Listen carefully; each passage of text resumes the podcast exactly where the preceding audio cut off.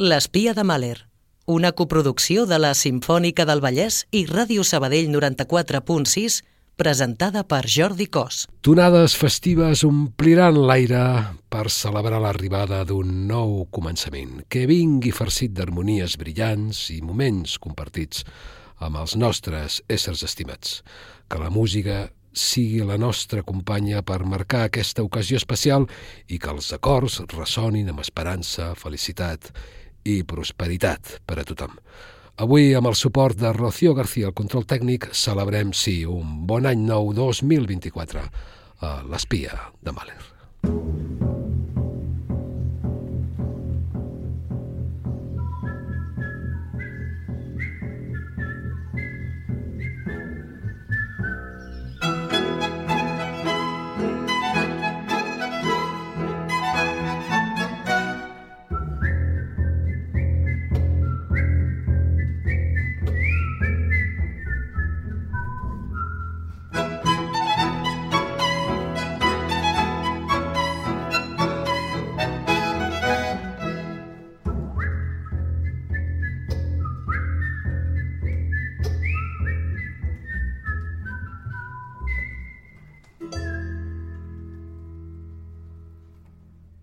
iniciem el programa amb la majestuosa lletra M, la de Mozart. Sempre Mozart, en aquest cas immersos en el seu segon moviment del concert per a clarinet i orquestra.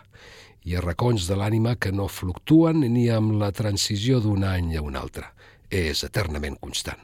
Ens ho confessa un mag del clarinet, Martin Frost, ben protegit pels músics de l'orquestra de Bremen. Emma da Mozart, Emma da Maravallos.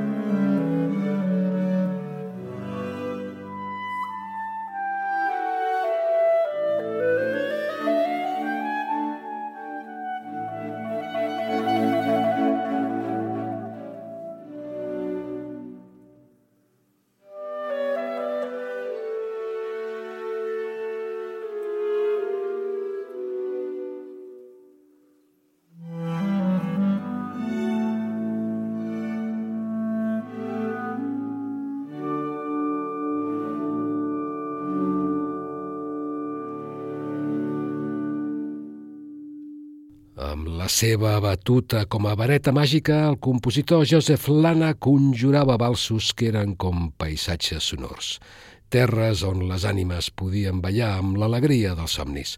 Els balsos Die Mozartisten daten de l'any 1842, un any abans de la mort de l'Anna. El manuscrit porta la inscripció de la pròpia mà del compositor, dedicat al venerat immortal Mozart. Curiosament, també hi va afegir la nota que aquests eren balsos, però no eren uns balsos per ballar. Mentre a dia d'avui considerem la música de Mozart com a sagrada i una aberració fer arranjaments de les seves tonades amb balsos, això no era així en l'època de l'Anna i certament no ho era tampoc en l'època de Mozart. En arribar a Praga l'any 1787 per a l'estrena de Don Giovanni, Mozart va notar amb delit que els seus amics de Praga havien adaptat temes de les noces de Figaro, convertits en balsos i quadrilles. Die Mozartista, en una de les obres més importants de l'Anna, comença amb una introducció extensa i està seguida de quatre balsos i una coda. Els dos primers i últim vals estan basats en una selecció de temes de l'òpera de Mozart, La flauta màgica, mentre que els dos balsos del mig contenen melodies de Don Giovanni. Ho gaudirem ara en les mans del director Mary Jansons al capdavant de la Gran Filarmònica de Viena.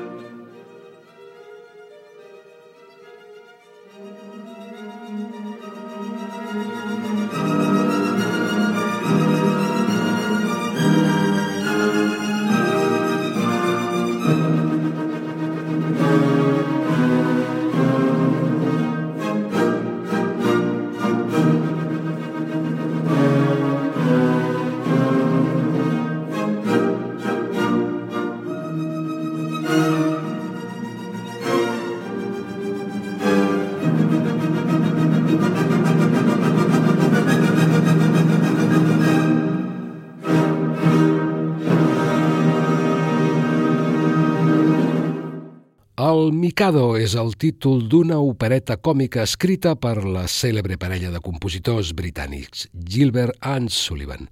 Els col·laboradors William Gilbert, lletrista, i Sir Arthur Sullivan, compositor, van crear diverses operetes durant l'era victoriana i el Mikado és una de les seves obres més conegudes. Va estrenar-se per primera vegada el 1886 al Teatre Savoy de Londres. L'obra és coneguda pel seu enginyós humor, les lletres satíriques de Gilbert i la música encisadora de Sullivan. A més, el Mikado s'ha adaptat i representat en nombroses ocasions arreu del planeta, convertint-se en una de les obres més populars del repertori de Gilbert i Sullivan. Poso per cas més proper. L'any 1986, la companyia catalana de Goll de Gom estrenà la versió catalana al Teatre Victòria de Barcelona. Per cert, qui us parla, aquest espia de Mahler, era un dels músics de l'orquestra. Recordem l'obertura del Mikado, una de les partitures que els Sinfònics del Vallès estem presentant en el seu concert d'any nou, que estem celebrant aquests dies al Palau de la Música Catalana de Barcelona. Un Japó fictici a El Mikado.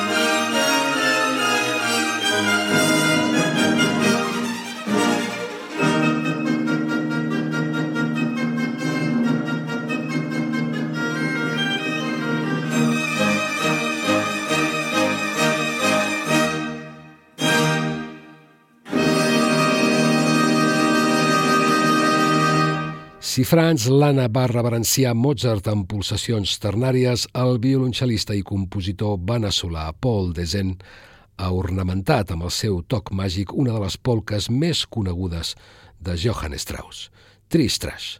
Ara aquesta peça ens arriba escalfada pel sol de ritmes caribenys, un regal que ens ofereixen els músics de l'orquestra Simón Bolívar conduïts per Gustavo Dudamel. Si abans es deia Tristrash, ara l'hem de denominar Triqui-Traqui Sabroson.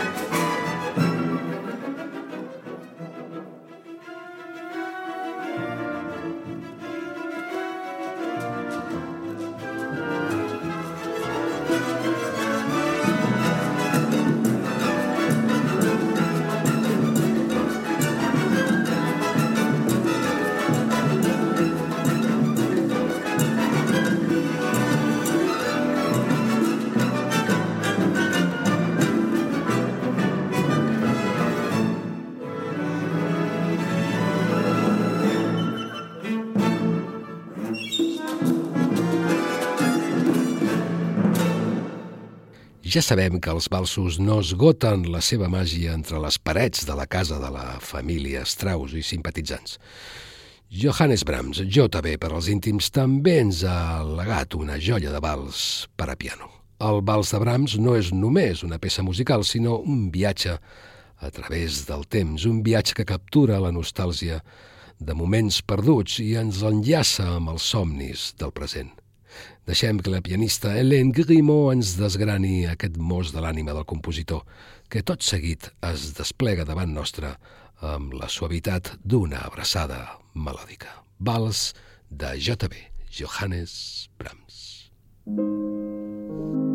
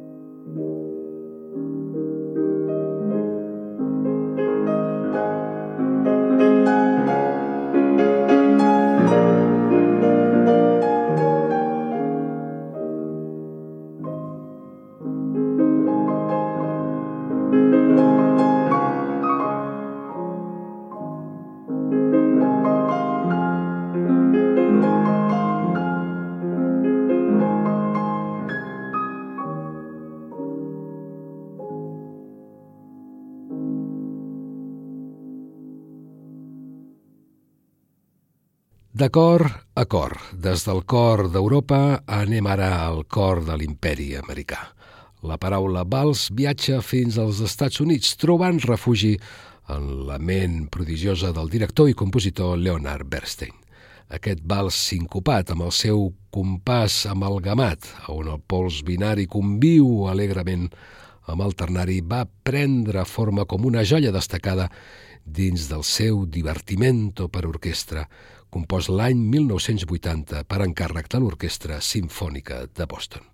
En aquesta partitura, Bernstein ens converteix en el guia d'un viatge musical que travessa continents i acaricia ànimes. Gaudiu d'aquest regal musical, una obra que narra amb l'essència viva de les emocions i els somnis que la van inspirar.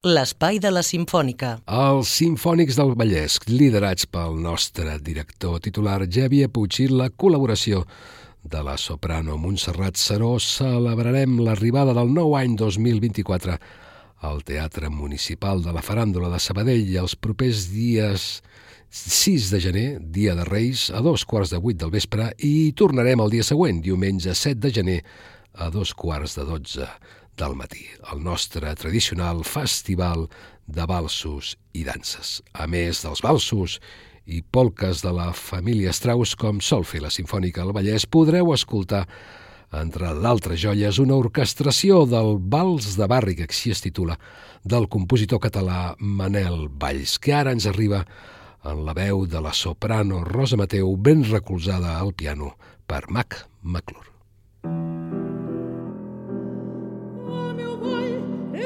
És un ball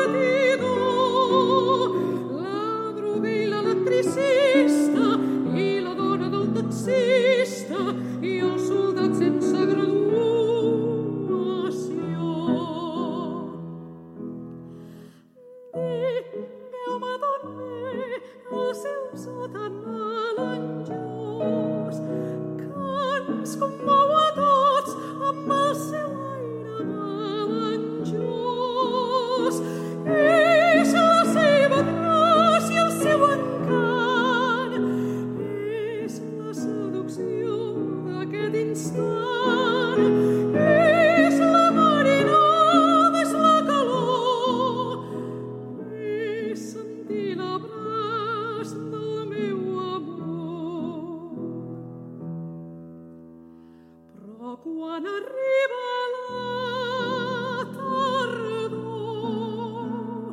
i el primer fred et glaça el cor, el vent s'emporta d'il·lusió i l'ànima es queda trista, ja només ballen a la pista les fulles mortes del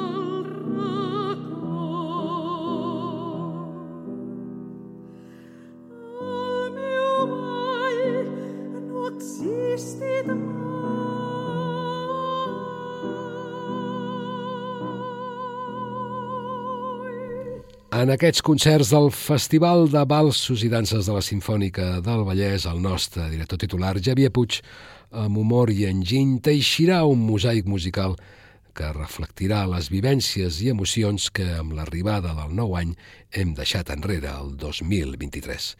Enmig d'aquesta narrativa sonora, una joia especial emergirà del repertori. Ombra d'Etiopia de la compositora de color dels Estats Units, Florence Price, que sona així de sincopada en les mans dels músics de l'Orquestra Simfònica de Viena. Il·luminem aquestes ombres d'Etiòpia.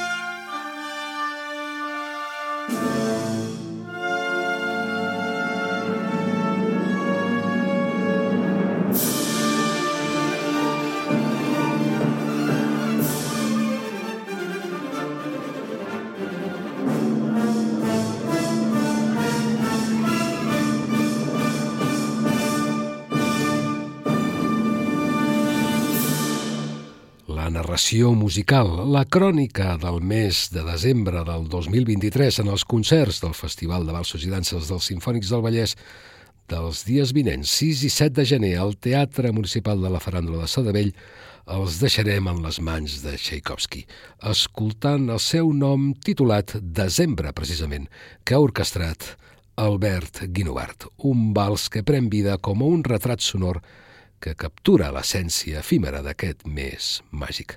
L'escoltem en la seva versió original per a piano en les mans del pianista Mikhail Pletsnev. Donem-nos en aquest mes de gener del 2024 a la melodia del desembre de Tchaikovsky.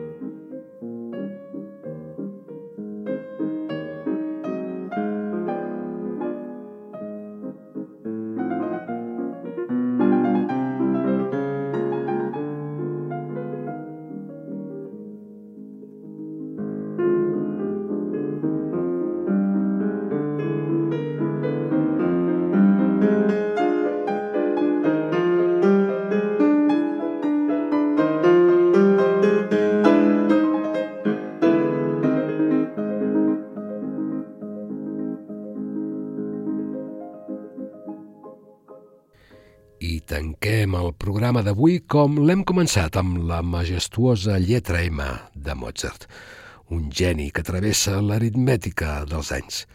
En aquest cas, un Mozart alegre, el que ara ens acompanyarà amb el moviment final de la seva sinfonia número 39, interpretada amb brillantor per l'ànsia de l'orquestra barroca de Freiburg sota la batuta de René Jacobs que aquesta tonada sigui com una ofrena, una cadència resplendent que viatgi a través del temps i ens recordi la perdurabilitat de la bellesa musical. Que cada nota ressoni com una promesa d'aventura i que el vostre camí durant el 2024 estigui impregnat de l'alegria contagiosa d'aquesta música. Molt bon any a tothom i no oblideu que la vida, ja sabeu, amb música sempre serà un bon viatge.